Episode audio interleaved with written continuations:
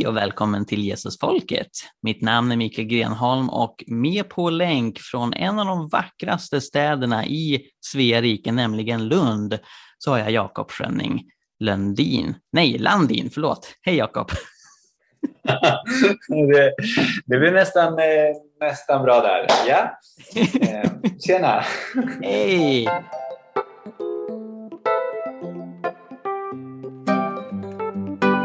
Det är så kul att ha dig med i podden. Det var ett litet tag sedan nu. Vill du påminna lyssnarna om vem du är? Ja, men absolut, gärna. Eh, jag är eh, vän till dig, Mikael. Eh, yes. Och statsvetare numera. Så. Jag har läst lite filosofi, lite ekonomi och lite politik. Eh, och sen så eftersom att jag gillar att, ja, nej men jag har bakgrund inom lite olika engagemang så. Eh, evangelisationsorganisationen Reach och mm.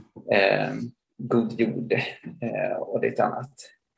Eh, och sen så brinner jag precis som Mikael för eh, fred och icke-våld. Ja. ja, men verkligen.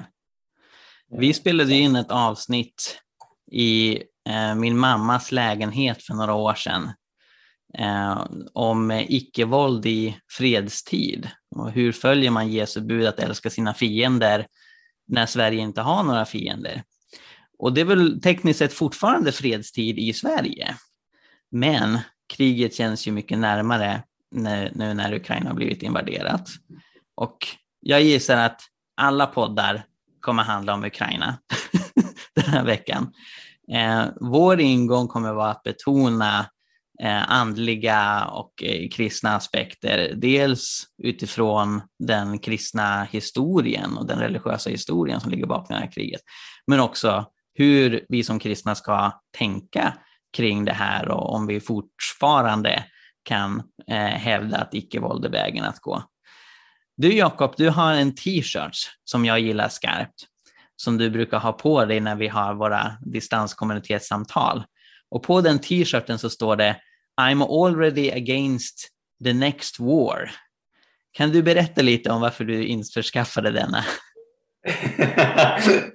ja, alltså från början så var det väl eh, för att jag hade fått ett presentkort av min kära mor som tyckte jag behövde en ny tisha. Ehm, men eh, jag hittade den där tröjan i en butik som säljer ekologiska Fairtrade-märkta eh, tröjor eh, och tänkte den här vill jag ha. Och ja, för att det är ett budskap som, som jag, jag, jag gärna skyltar med liksom. och som kanske kan vara lite smått provocerande på ett sätt som jag gillar. Ja, men jag, jag förstår det. Och här är väl alltså, de flesta, åtminstone i Sverige, överens om att det här kriget är fel. Mm. Få som liksom ställer sig på Putins sida och liksom hävdar att jo, men det här är ett rättfärdigt krig som, som vi ska stötta. Eh, men det har kommit sådana röster från eh, rysk-ortodoxt håll Eh, och innan vi börjar prata om vad rysk-ortodoxa kyrkan säger idag, eller åtminstone deras patriark i Moskva, eh, om det här kriget, så tänkte jag att vi kunde prata lite om historien bakom kriget, för att det går att argumentera för, även om alla krig har liksom många olika eh, vad ska man säga, orsaker och det är ganska få av de kanske tyngsta orsakerna som politikerna tycker om att skylta med. Så liksom, Eh, att, att säga vi vill ha det här landets naturresurser, det är liksom inte det som är främst i propagandan, utan då är det mer nationalromantiska motiv och sådär. Eh, men det har ändå liksom alltså rötter eh, när det gäller Rysslands och Ukrainas historia som har väldigt tydliga religiösa aspekter. Och du har satt dig in i det här lite grann, Jakob, så skulle du kunna beskriva på några minuter Rysslands och Ukrainas tusenåriga historia för oss? Ja, gärna. Eh, alltså jag, jag, snubblade över en artikel eh, som en annan känd skribent eh, delade eh, och från en online, online magasin som heter Unheard. om Putins spiritual destiny. Mm. Och det är en skribent som heter Jill Fraser som argumenterar för att Putin försöker att liksom bli ett slags eh, andlig ledare, eller vara eh, så, eh, och återupprätta ett arv med tusenåriga rötter. Eh, och den här historien börjar då med, med en annan eh, Vladimir. Eh, mm. Vladimir den store, eh, som var någon slags furste eller kejsare eller vad vet jag, i delar av Ryssland tror jag. Men, men så. Eh, men över ett folk som kallades typ eh, russerna. Just det. Eh, och han härskade då, tror jag, från Kiev. Ja. Som, som, och som, som då var en del av något slags större ryskt samhälle eller civilisation, eller vad vi kallar det, kulturgemenskap. Ja, precis. Ehm, det är väldigt och, lite av det som idag är Ryssland som var del av Russriket på medeltiden. Eh, det handlar ju om liksom de allra mest sydvästra delarna.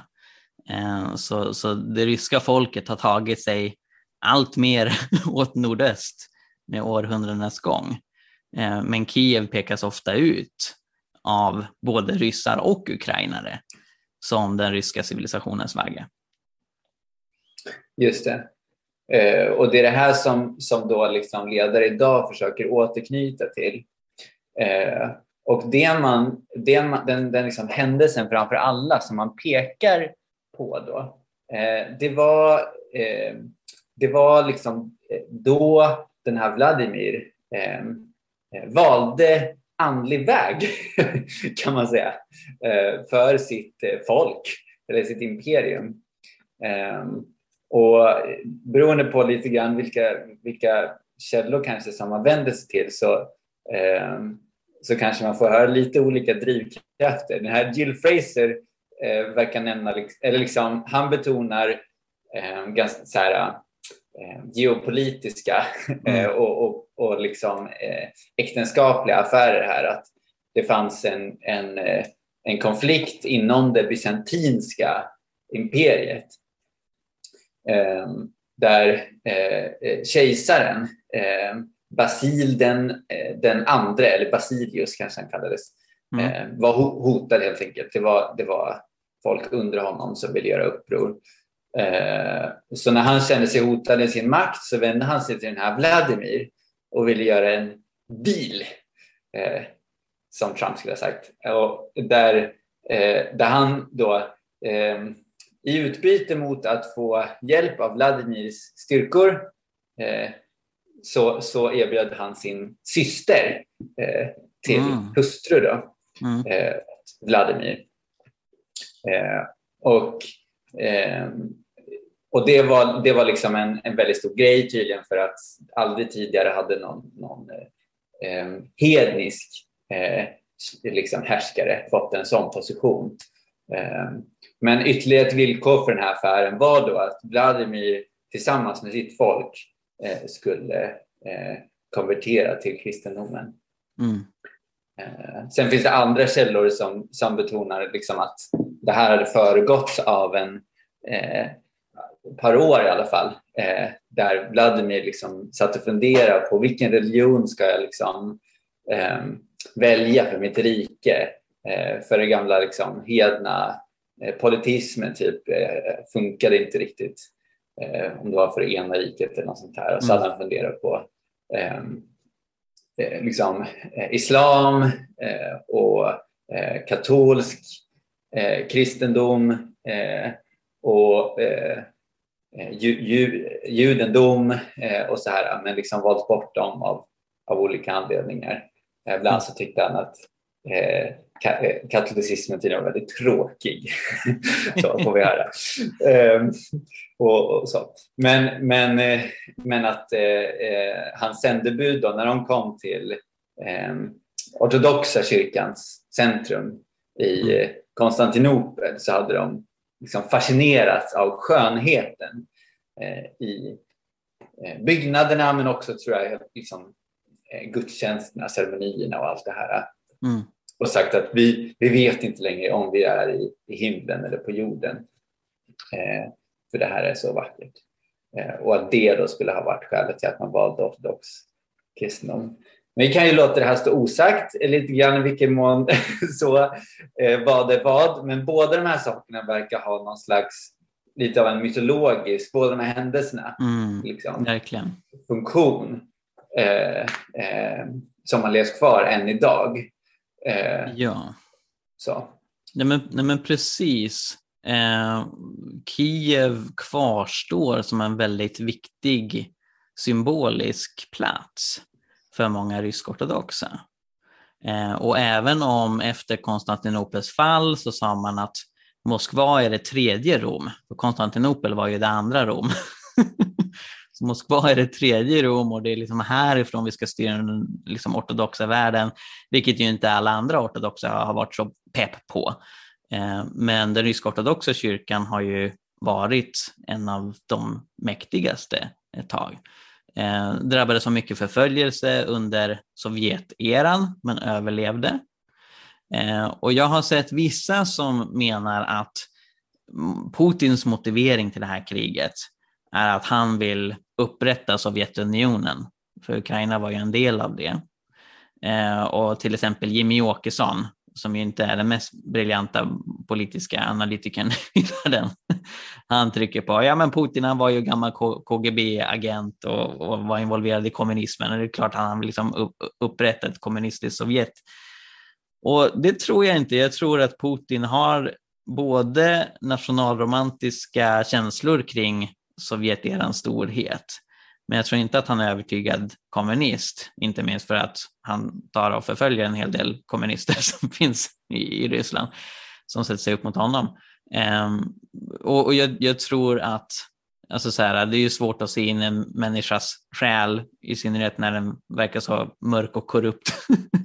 Men något som är tydligt är att Putin använder religiös retorik och, och sin relation till till exempel Moskvas patriark för att just betona den ryska storheten som sträcker sig mycket längre tillbaka i tiden än eh, Lenin. Eh, och då lyfter han just det här med eh, ja, men hur, hur, hur Kiev och Ukraina hänger ihop med Rysslands historia.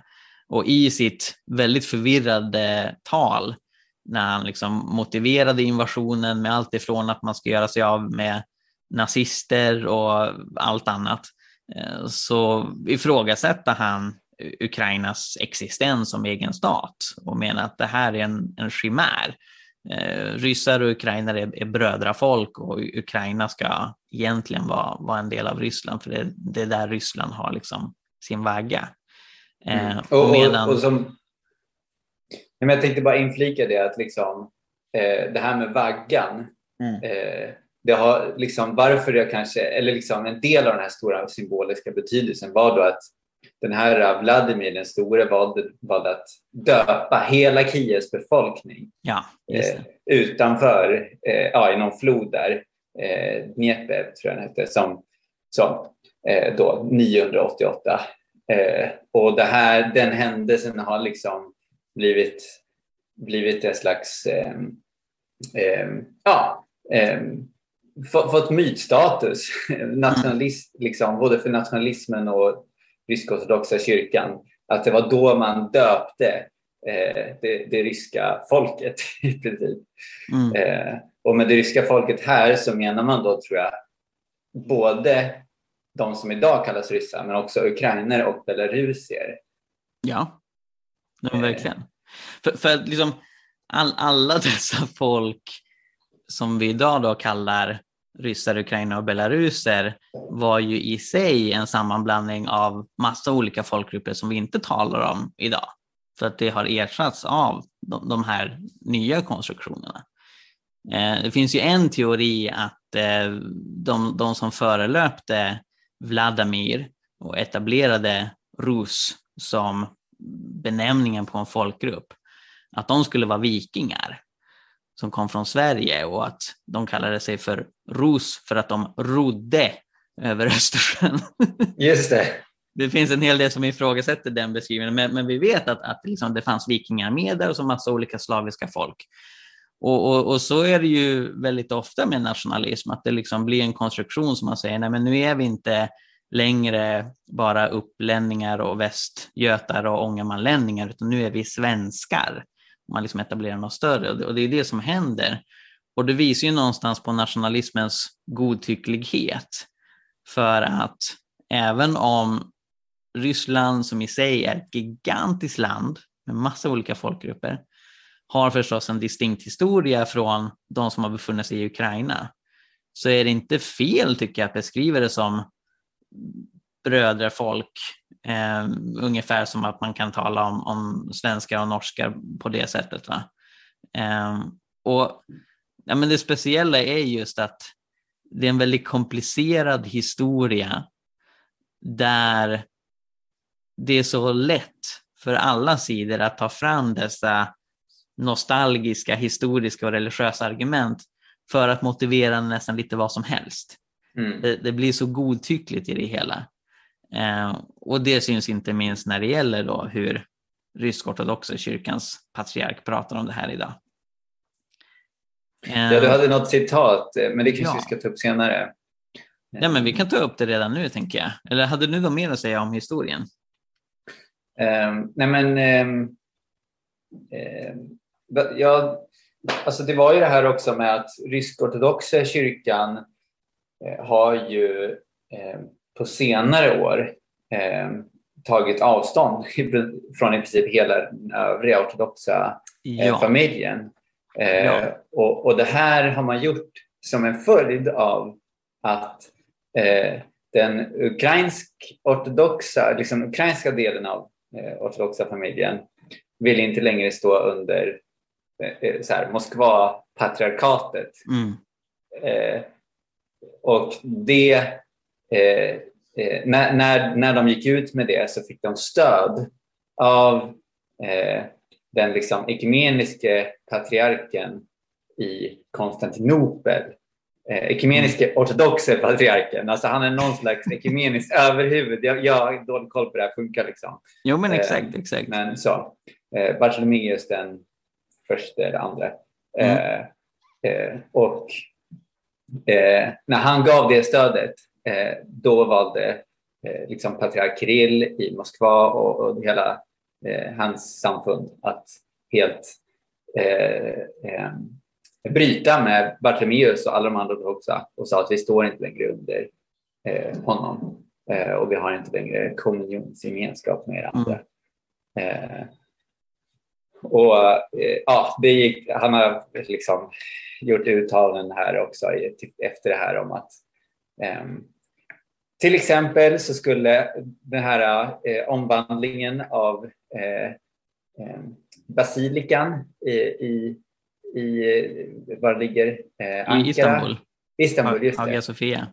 Hagia Sofia. När den gjordes om till, att den gjordes om till moské skulle ha varit ett, ett uppenbart gudsstraff eh, till följd av Bartolomeus eh, handling då att eh, ta ifrån den rysk-ortodoxa kyrkan eh, sin Sofia-byggnad eh, i Kiev. Ja, men precis, precis. Nej, men för det, det här är verkligen viktigt att förstå att från det rysk-ortodoxa perspektivet så är de kristna i Ukraina en del av den rysk-ortodoxa kyrkan. Så man är kraftigt emot att de pratar om den ukrainsk-ortodoxa kyrkan som sin egen grej. Och då när den ortodoxa kyrkans överhuvud som inte har samma roll som påven i katolska kyrkan utan man betonar att patriarken i Istanbul eller Konstantinopel är den främsta av jämlikar. Men när de då erkänner den ukrainska ortodoxa kyrkan som en oberoende del, vilket som jag har förstått den ändå har funkat i praktiken. Men rysk-ortodoxa kyrkan har fortfarande varit emot att man liksom säger det högt och tydligt. Så bryter de och det är en kataklysmisk händelse som jag tror flög under raden för de flesta i Sverige för att vi har så dålig koll på vad som händer i Östeuropa.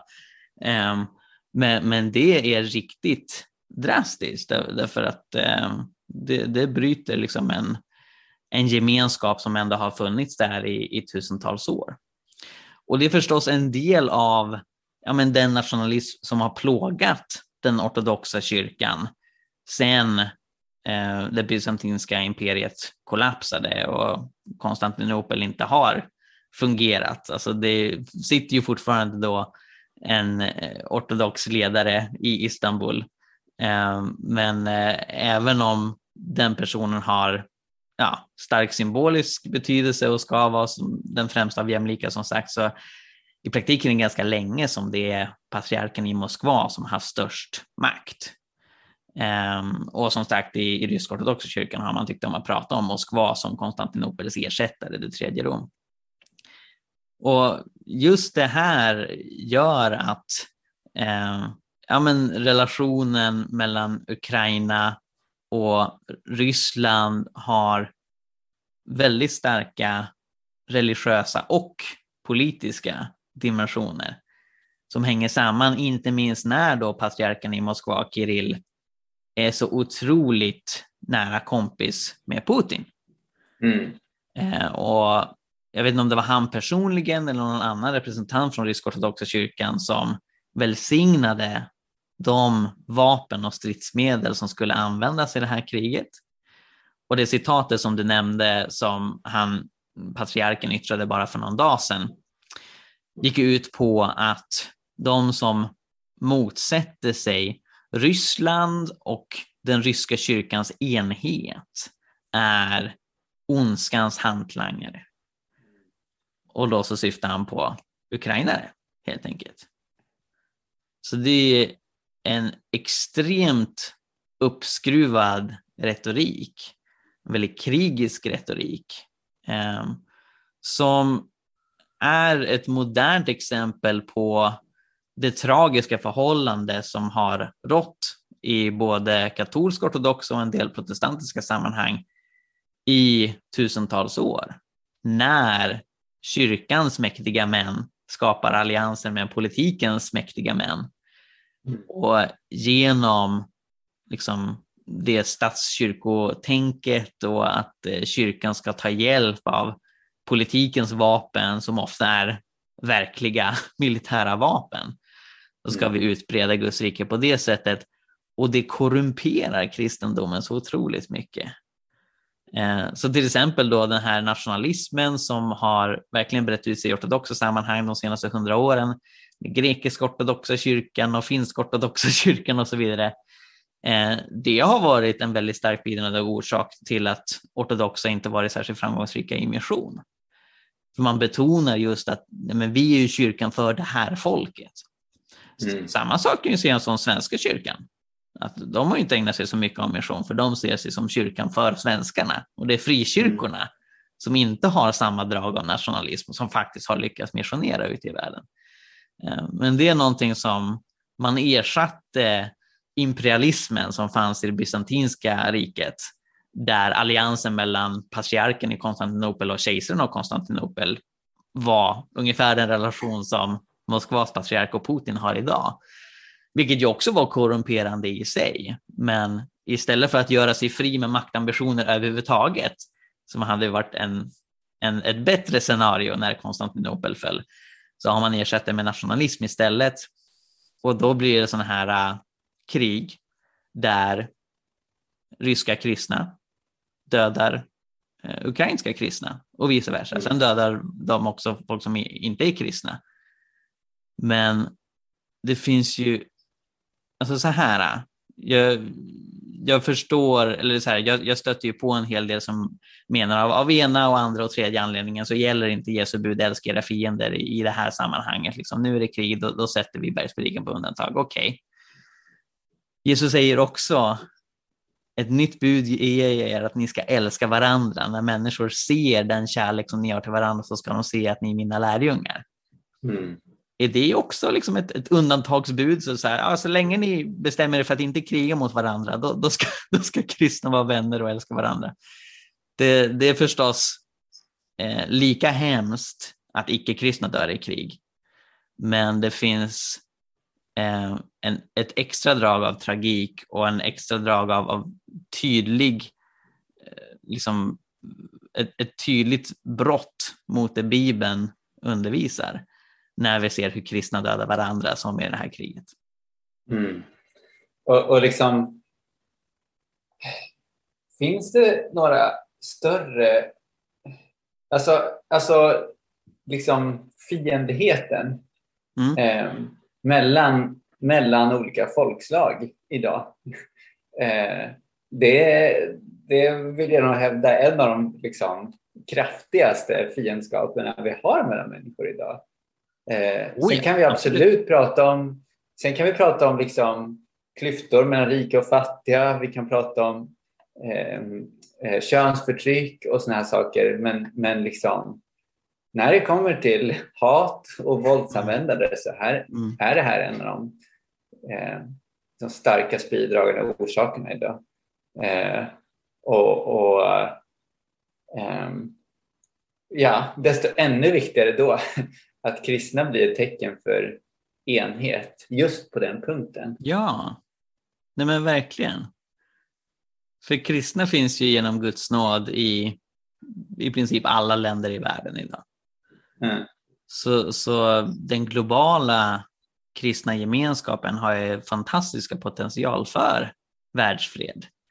Men tyvärr så finns det så många exempel på när kristna dras in i ländernas egna nationalistiska, imperialistiska eller allmänt militaristiska projekt. Mm. och tänker okej, okay, ja men då är det viktigare för vi ska lyda överheten och det innebär att då sätter vi bergspredikan och annan vanlig kristen moral på paus. och så ska vi lyssna på vad Putin eller Magdalena Andersson eller Donald Trump säger istället.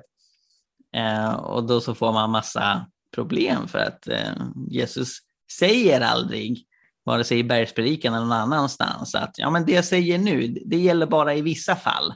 Sen i andra fall så kan ni strunta i det, utan Jesus menar ju att det, hans ord alltid gäller.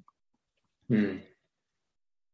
Men eh, ska ja. vi prata lite om hur älskar man fiender när ens land blir invaderat? Vad, vad har ukrainare för alternativ till att skjuta och spränga och hugga knivar in i de människor som attackerar dem? Vad skulle du säga, mm. Jakob? Eh, alltså, det finns ju många sätt att, att göra eh, motstånd, mm. eh, tänker jag.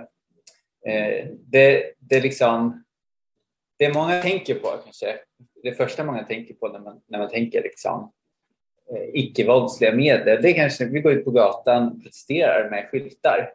Mm. Eh, och, och, det gör ju eh, ryssar just nu idag i ja, många ryska städer. Liksom. Precis. Ehm, så. Eh, sen kanske det av olika anledningar eh, inte är det bästa medlet eh, i, i sådana här omständigheter. men men även då det, då det knappt går att, att liksom ta, ja, samlas offentligt liksom, ute på gator och torg och så här så, så kan man göra andra saker. Eh, jag tänker på vissa, vissa, ett par, par saker som folket i Myanmar just nu eh, har använt sig av. Mm. Eh, där man bedriver eh, icke-våldslig kamp. Det finns också de som bedriver våldsligt motstånd mm. eh, mot militärjuntan där. Men, men en stor del av folket eh, kämpar just nu icke-våldsligt eh, mot militärjuntan. Och, och eh, det har bland annat handlat om att på kvällar och nätter eh, så går man ut och ställer sig på balkonger och, och liksom skramlar och låter mm. eh, och, och, och, har sig. Eh, och det är ju jättemånga människor som eh, deltar i det här. Eh, och ju fler som gör det, desto mer uppenbart blir det ju för eh, både civila och de styrande hur stort missnöjet är. Mm. en annan sak som man har gjort där i, i Myanmar är att på årsdagen av om det var fängslandet av Aung San Suu Kyi eller om det var um, den motståndsrörelse som kom till följd av det. Men på, på en årsdag i alla fall nyligen så stannade massor av människor hemma från jobbet. Eh, mm. Vägrade att, ja. att eh, ta sig ut helt enkelt. Eh, och det är ju också en typ av eh, eh liksom olydnad. ja, oh ja. Som eh, kan få väldigt stora följder. Eh, mm. Kanske både symboliskt eh, och liksom rent ekonomiskt för, för de, de styrande. Mm. Något som jag har behövt hänvisa till väldigt många gånger de senaste dygnen, det är den forskning som finns på icke-våldsmotstånd kontra våldsmotstånd som har utgått från de icke-våldsrörelser och våldsamma rebellrörelser som har funnits under 1900-talet, som har satt sig upp mot auktoritära förtryckande regimer och jämfört hur de har lyckats. Och det en forskare som heter Erika Chenoweth med flera har visat är att icke-våldsmotstånd tenderar att vara dubbelt så effektivt som våldsamt motstånd. Eh, det är mycket mer effektivt när det gäller att minska dödligheten. Eh, så även de soldater som tillhör en väldigt auktoritär och grym regim, en sån typ av regim som eh, folk ofta säger, de har ingen moral och de kommer inte bry sig om icke-våldsliga människor och kommer meja ner dem ändå. Det man faktiskt har sett rent empiriskt är så är det inte. Soldater är också människor med hjärtan. Va? Utan de har mycket lättare att skjuta på våldsamma rebeller än icke-våldsliga, eh, ja, eller människor som använder icke-våld som motstånd. Och det mest uppmuntrande från den här forskningen som jag har tagit med mig, det är att när man har tittat på de 25 största motståndsrörelserna under 1900-talet så har 20 av dem varit icke-våldsliga och 14 av dem uppnådde sina mål. Och det alla de icke-våldsrörelser som uppnådde sina mål hade gemensamt var att de omfattade minst 3,5 procent av befolkningen. Så det kallar Erika Chenoweth för 3,5-regeln, vilket inte är ett jättesmidigt namn, men vi kan använda det tills vidare. Eh, och det är någonting som bland annat eh, ja, men klimatrörelsen Extinction, Extinction Rebellion har tagit till sig. Att om vi blir tillräckligt många så visar forskningen att vi kommer få igenom våra mål. Genom vårt icke-våldsmotstånd gentemot eh, politiker och företag som ägnar sig åt klimatförstörande aktiviteter. Mm. Eh, nu blir det, det verkar vara dålig kontakt. Jag hörde inte riktigt vad, vad du sa på slutet här. Okej, okay, eh, okej. Okay. internet liksom. Jag förstår, jag förstår. Nej, men det jag sa var att en klimatrörelse som Extinction Rebellion har tagit till sig det här mm. och pekat på att om vi blir tillräckligt många så kommer vi få igenom våra mål eh, genom att göra icke-våldsligt motstånd mot politiker och företag som förstör klimatet. Mm. Eh, och utifrån den här forskningen så kan man vila väldigt tryggt i, tycker jag, att Jesu ord om att vi ska älska våra fiender är något som vi ska leva efter jämt. Och det är inte samma sak som att vika sig gentemot förtryck och bara rycka på axlarna eller lägga armarna i kors och säga nej men vars, varsågod och förtryck mig. Det handlar om att göra motstånd, men inte på ett sätt som medvetet skadar och dödar andra människor. Mm. Och idén att våld är nödvändigt och vi kommer till en punkt där icke-våld inte fungerar och vi måste använda våld istället för att sätta oss upp mot de här regimerna. Det har vad jag kan se inget vetenskapligt stöd alls. När jag läste freds och konfliktstudier på Uppsala universitet så pratar man om att krig för det allra mesta är resultatet av informationsbrist.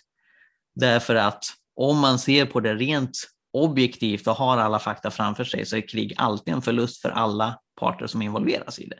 Så man vinner aldrig på att föra krig jämfört med icke-våldsliga metoder som ju inkluderar allt ifrån diplomati, ekonomiska sanktioner, som jag för övrigt är väldigt tacksam för att NATO och EU ägnar sig åt istället för att börja liksom anfalla militärt.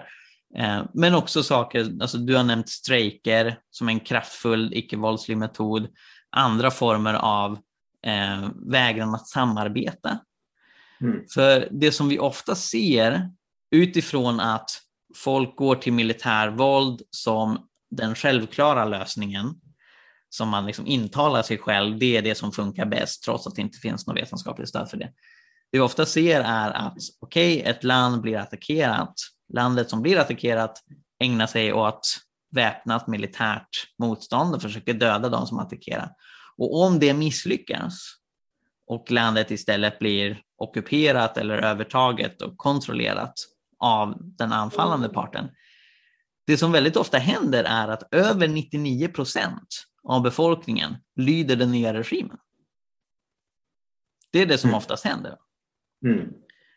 Ja, det är ju väldigt och, och, och, och då, då kommer man med förklaringsmodeller. Ja, men om vi hade haft ännu mer vapen, om vi hade spenderat ännu mer på vår militär, då hade vi liksom lyckats undvika det här. Men det Erika Chenoweth och andra icke-våldsforskare pekar på är att man behöver inte ens ha en majoritet av befolkningen i ett ockuperat land eller i ett land som styrs av en auktoritär regim som gör icke-våldsligt motstånd. Utan den empiri som vi har, alltså inte teori utan det vi faktiskt kan observera under 1900-talet, är att det räcker med 4% eller fler av befolkningen som vägrar samarbeta, som gör icke-våldsligt motstånd, så kommer de få igenom sina mål. Och, och det är otroligt uppmuntrande. Jag blir fantastiskt glad av att höra det. Jag märker att det är många som blir provocerade av det och som inte vill att det här ska vara sant.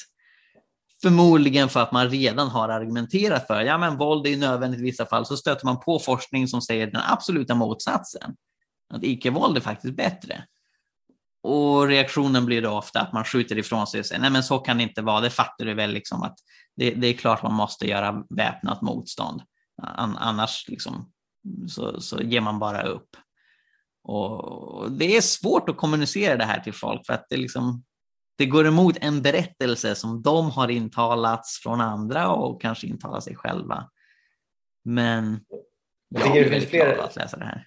Ja men verkligen, samma här inspirerad eh, och, och, och, sugen på att göra motstånd. Liksom. Det är nästan ja. man längtar efter. Men vi ska inte romantisera det. Men, men, liksom, men det finns flera saker att plocka upp här tycker jag. Alltså, eh, för det första eh, tänker jag, vad, vad, är det som gör att, eh, att ett, ett eh, ockuperat land som bedriver våldligt motstånd som sedan misslyckas. Mm. Eh, därefter eh, hamnar, liksom böjer sig under förtryck. Mm. Eh, och, och, jag tänker att det har att göra med att eh, våldsligt motstånd det, det bygger på en, någon slags lydnadskultur. Ja. En, ja. Eh, man lyder auktoriteter, för ja. det är verkligen det man tränas till eh, inom militären och eh, när ett samhälle försätts i liksom krigstillstånd eh, då eh, inordnas liksom hela samhället i det. Eh, att liksom språk eh, och institutioner och allt det här ordnas för att rättfärdiga det våld som man utövar. Mm. Och, och, och det kan vi, kan vi nog se både i Ryssland och Ukraina just nu, eh, att det är vad som händer. Eh, och, och då är det inte så konstigt att när människor blivit tränade att lyda mm. Eh, auktoriteten, eh, även fast det kanske man går emot deras samveten, mm. Eh, i synnerhet när det gäller att döda en annan människa, eh, så, så då lyder man även sen. Ja, precis eh, när, när, när hoppet kanske har släckts. Mm. eh, liksom. Ehm, eh, så. Ehm, så att vill man förebygga eller göra motstånd på riktigt mot mm. förtryck eh, eh, då, då är det ju betydligt mer effektivt att, att odla en, ehm, en demokratisk, eh, liksom icke-våldslig motståndskultur mm. Eh, där det finns en, en frihet för, för människor, för var och en att följa sitt samvete mm. eh, och att, att ifrågasätta auktoriteter. Eh, och vara kreativa i, i sitt mm. motstånd. Eh, istället för att inordna sig vad någon befälhavare säger eh, är det rätta, eller det nödvändiga eh, att göra. Eh, liksom metoden att tillämpa och så. Ja, nej men precis. Ehm, eh, sen det andra jag tänkte på det var det att eh, du, du, du sa att ingen vinner på att föra krig. Nej, det, det, är alltid en förlustaffär för alla involverade parter. Gäller det utan, också utan undantag. Då, så gäller det också till och med rik, de rikas, den rikaste eliten, liksom, de, styras, ja. de styrande? Ja, det finns, alltså, alltså folk inser inte hur extremt dyrt krig är. Alltså det, det, bara det att upprätthålla en armé när det inte är krig slukar ju flera procent av BNP. Eh, men, men sen liksom när kriget väl kommer, andra världskriget kostade ju biljoner kronor. Inte miljoner, inte miljarder, biljoner. Mm. Eh, så, så rent objektivt finns det alltid extremt mycket billigare och mer effektiva sätt att uppnå de mål man vill nå eller åtminstone komma så nära de målen som man kan liksom vara, vara tillfreds med. Konflikter bygger ju alltid på att det finns en upplevd inkompatibilitet mellan vad man själv vill och vad en annan part vill. Och ibland måste man nå kompromisser, ibland går man halvvägs, ibland så hittar man en annan lösning som funkar för båda. Va?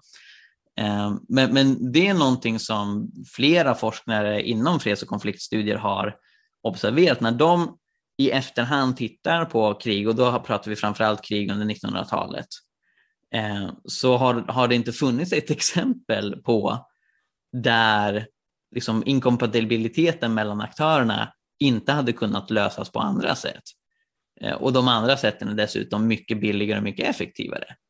Utan anledningen till att det blir krig härleds främst till bristfällig information och kommunikation.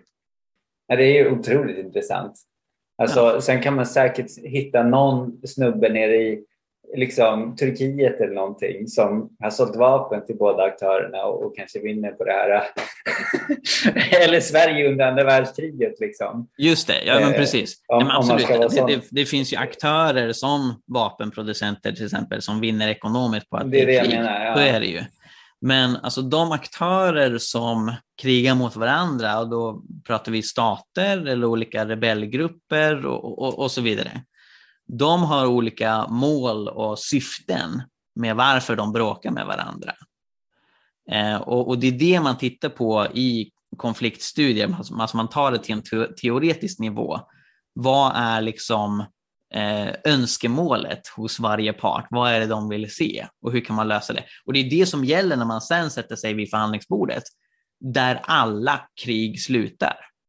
Alltså, vi har inte sett, åtminstone på hundratals år, något krig som faktiskt slutar med att den ena parten förintas. Utan alla krig slutar vid förhandlingsbordet. Det gäller även alla krig som involverar grupper där man har sagt de här går inte att prata med. Det går inte att prata med talibanerna. Det går inte att förhandla med, med IS eller Sovjet eller något sånt där. Det slutar alltid med att man gör det, utan undantag det, det, är där det slutar och då, då identifierar man, okej, okay, vad vill vi ha, hur kan vi komma fram till en lösning? Nå, förstås är det så att om den ena parten har upplevt förödande förluster eh, så kan den vinnande parten eh, få mer fördelar i, i liksom den förhandling som kommer. Så det syntes till exempel efter första världskriget. Tyskland fick en väldigt dålig deal för att Tyskland ansågs ha förlorat kriget. Eh, men när man som sagt har tittat inom freds och konfliktforskningen mm, rent objektivt med alla fakta framför sig, liksom, hur hade det här kunnat lösas på andra sätt? Ehm, så finns det inga exempel på där kriget var det bästa effektivaste och i synnerhet inte billigaste alternativet. Utan det är alltid förödande för alla parter, inklusive för den parten som så att säga vinner kriget. Eh, så är det enorma förluster, dels på liksom mänsklig personlig nivå, men, men alltid ekonomiskt och sådär. Alltså det, det, är liksom, det, det, är ungefär som, som kolonialism. Alltså det, anledningen till att vi inte ser, åtminstone särskilt mycket uppenbar kolonialism idag, är att det är en förlustaffär för landet som, som bedriver kolonialism. Och det tänkte man inte från från början. Men det, det, blev väldigt tydligt efter ett tag. Så nu, nu använder de rika länderna i världen andra medel för att styra andra länder och få dem att göra som man vill, men man liksom åker inte dit och tar över dem för att det är för dyrt. Och, och så är det med krig också. Det är i princip alltid för dyrt och för kostsamt för att det ska vara liksom rationellt. Men det händer för att vi inte är så rationella och, och vi har ofta dålig kommunikation mellan olika länder. Och sådär. Mm. Men här tänker, tänker jag att du pekar på kärnan, alltså att vi, vi, eh, vi har en självbild av att vi är otroligt eh, rationella ofta och kanske i synnerhet mm. ofta att, att, leda, att våra egna ledare eh, styrs av eh, förnuft mm. eh, istället för att de kontrolleras av känslor. Så. Ehm, ehm, men, men, eh, och, och, och detsamma eh, när det gäller oss själva, liksom. Mm. vår intuition att, att använda eh, våld mm. eh, när vi tror att det behövs. Mm. Eh, men i, i, egentligen så, eh, så, så när vi har alla de här fakta framför oss så mm. verkar det ju vara väldigt, väldigt mycket känsla. Eh, oh ja, oh ja, verkligen. Och, verkligen. och jag tänker att liksom, det handlar om rädsla. Ja. Det handlar om hat. Mm.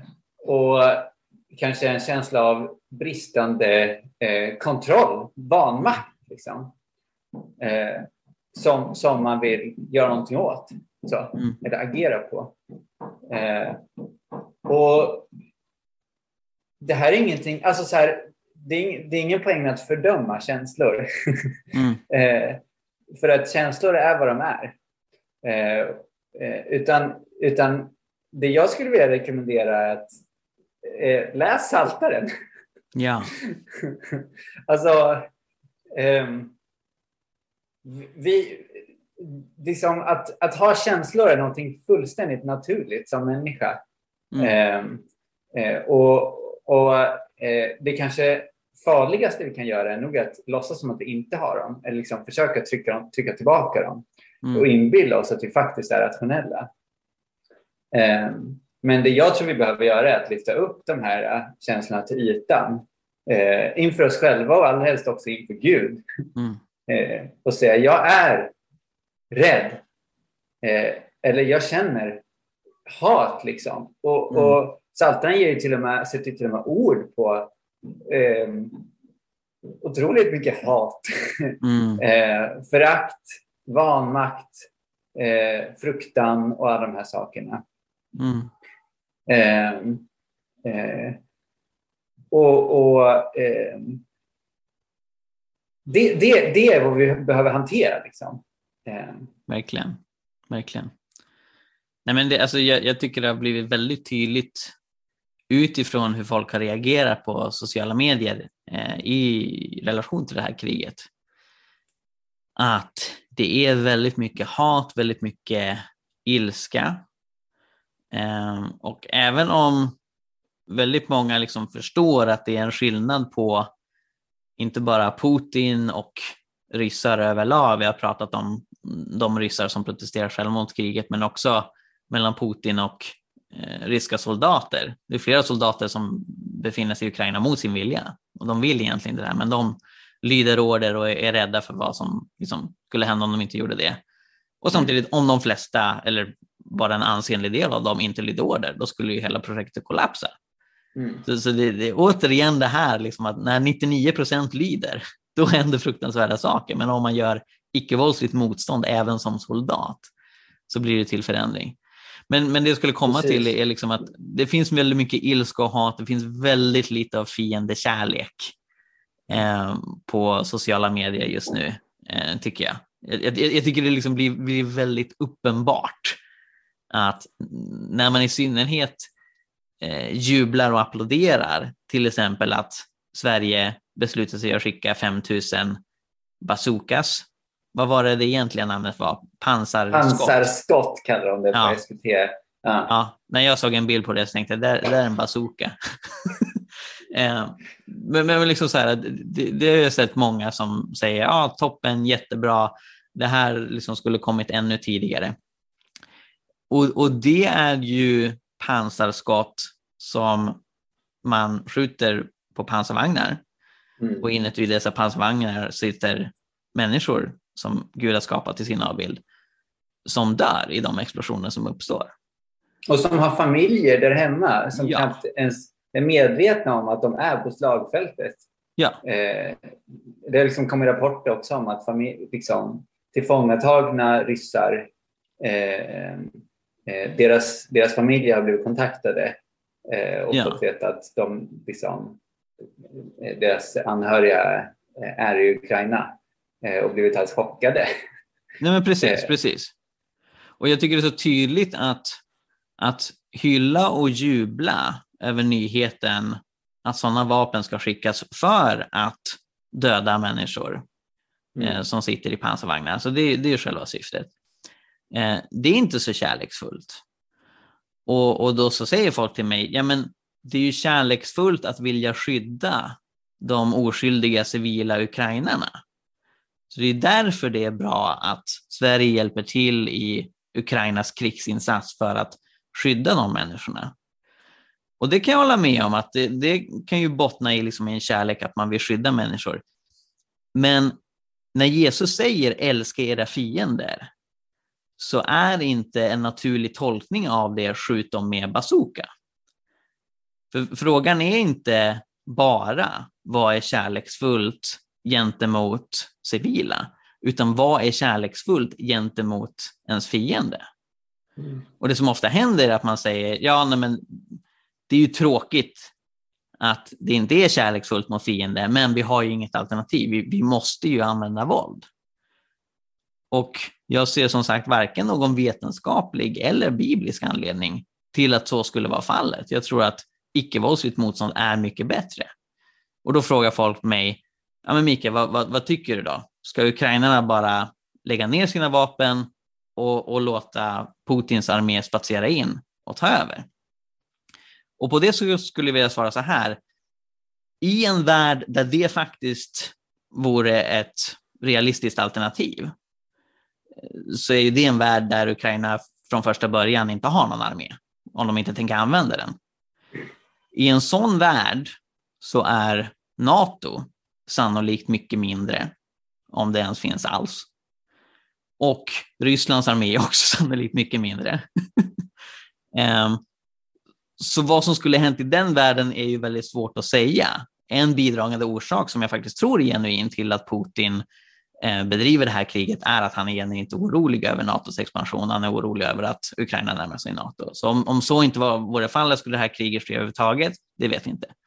Men om, om vi liksom struntar i det och säger att ja, men den världen vore exakt som vår värld, men Ukrainas president säger nej men jag ångrar mig, jag har blivit pacifist, nu lägger vi ner våra vapen.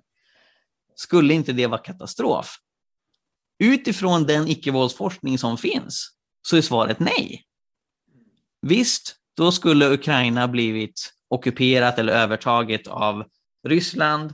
Eh, det finns vissa analytiker som menar att det Putin är ute efter är liksom inte att inkorporera Ukraina i Ryssland igen, men att ha det som en lydstat med någon nickedocka som liksom utför hans vilja. Okej, okay. det skulle ske och det är förstås tragiskt och hemskt. Men det vi redan nu vet utifrån att studerat både krig och icke-våldsrörelse under 1900-talet är att om den ukrainska befolkningen i tillräckligt stor andel, vilket i sig inte är alltför stort, alltså minst 4 procent som sagt, men vi kan tänka oss snarare där 10 procent, 20 procent, kanske till och med 50 gör icke-våldsligt motstånd. Så utifrån det vi redan vet, det vi redan har observerat, så skulle Putin inte lyckas styra Ukraina i en sån scenario. Det skulle inte gå. Det skulle vara allt för många som vägrar att samarbeta så mm. att det finns ingen poäng med att försöka ta över ett sådant land. Men när vi istället lever i en värld där efter man har misslyckats med att göra väpnat motstånd så inordnar sig över 99 procent av befolkningen den nya regimen. Då är det klart att folk ser poängen med att ta över andra länder. Men så hade det inte behövt vara om icke-våldskultur hade varit mycket mer utbrett. Mm. Nej men verkligen. Verkligen. Det, det, det, det blir så ofta en fokus på, på liksom enskilda... alltså, vad är rätt i den här situationen? Mm. Um, uh, och, och, väldigt, väldigt kortsiktigt. När, när det... Uh, det handlar ju alltid om långsiktiga eh, händelseutvecklingar. Liksom. Mm. Um, det, det, det är ju liksom inte bara så här, eh, vi vill skydda människor här och nu, i den mm. här stunden. Eh, och lyckas vi med det så är allt bra. Eh, utan eh, vi vill, eh, ukrainarnas liv är värda att värna. Mm. Eh, ryssarnas liv är värda att värna. och rättvisa och rättfärdighet mm. är värt att kämpa för både i Ryssland och Ukraina. Eh, och sånt här tar tid.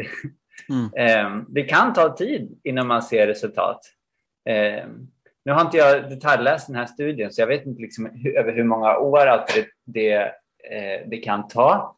Mm. Ehm, ja, det varierar. Det själv, det, precis, det varierar. Men det är självklart så att så här, ehm, lägger man ner vapnen nu Eh, så vi vet inte hur lång tid det kan ta eh, innan eh, liksom, den nya marionettregimen som Putin skulle kunna mm. sätta in skulle falla.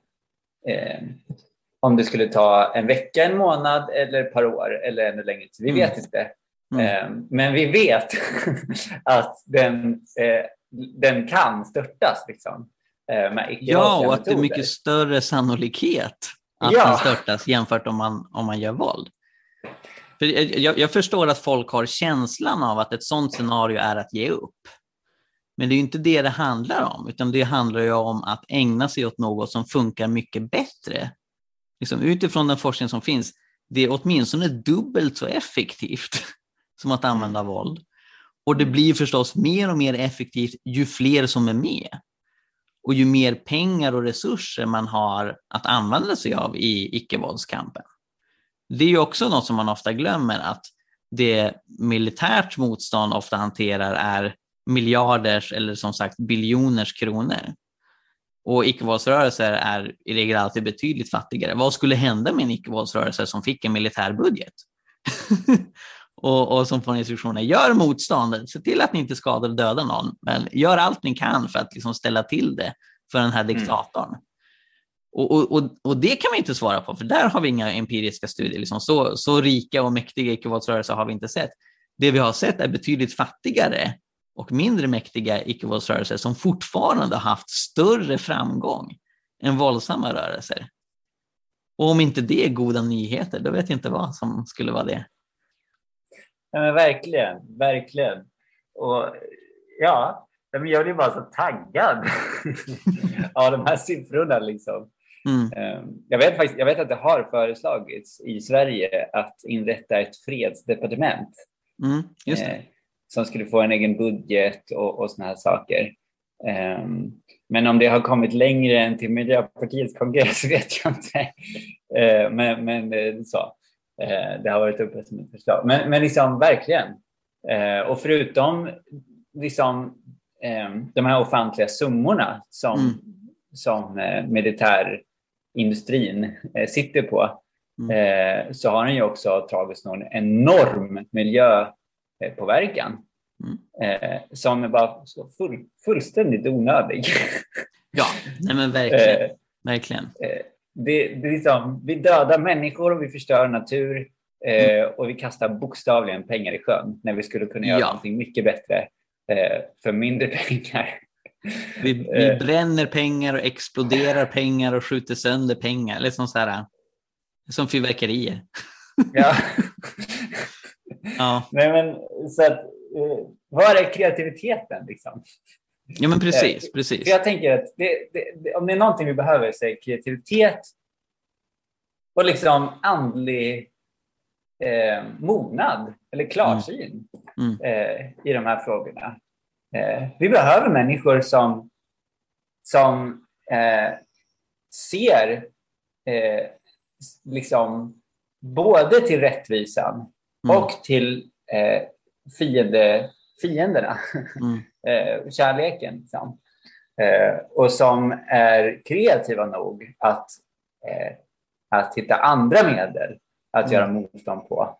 Eh, och ha, ha nog med tålamod eh, att, att vänta och, och, och, och liksom få framgång.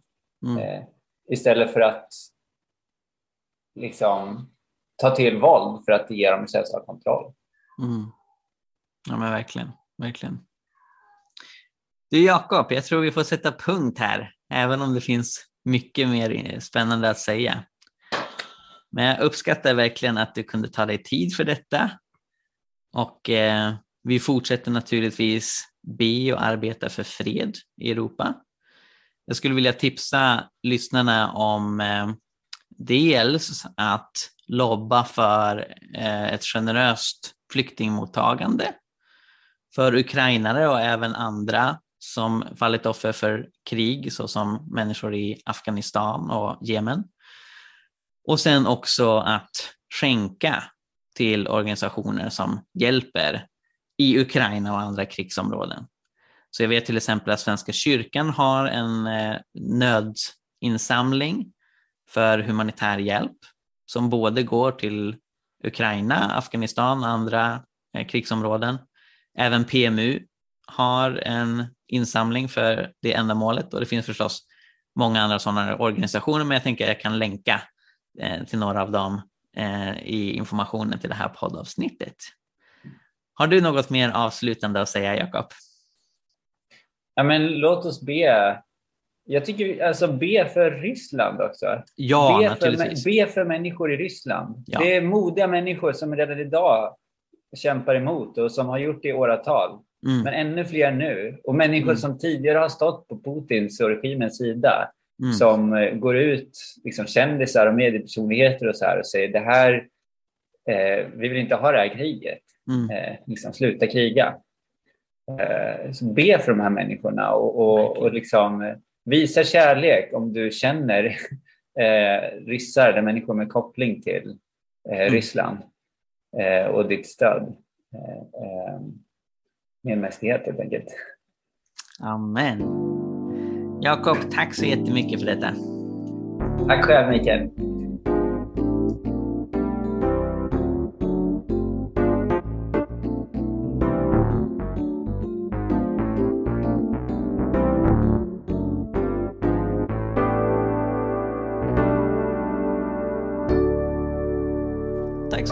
Lyssnar på Jesusfolket. Om du vill höra mer så se till att prenumerera på iTunes, Spotify eller valfri podcastapp.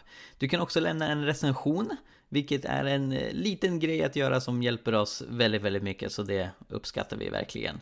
Ehm, du kan också läsa vår blogg, Hela Pingsten. Vi har mängder med artiklar där om andens gåvor, evangelisation, fred, rättvisa och allt möjligt annat som har med lärjungaskap att göra, så kolla in det. Och vi finns på sociala medier, du kan följa både Jesusfolket och hela pingsten på till exempel Facebook. Tack så mycket, Gud välsigne dig och eh, fortsätt vara en del av Jesusfolket.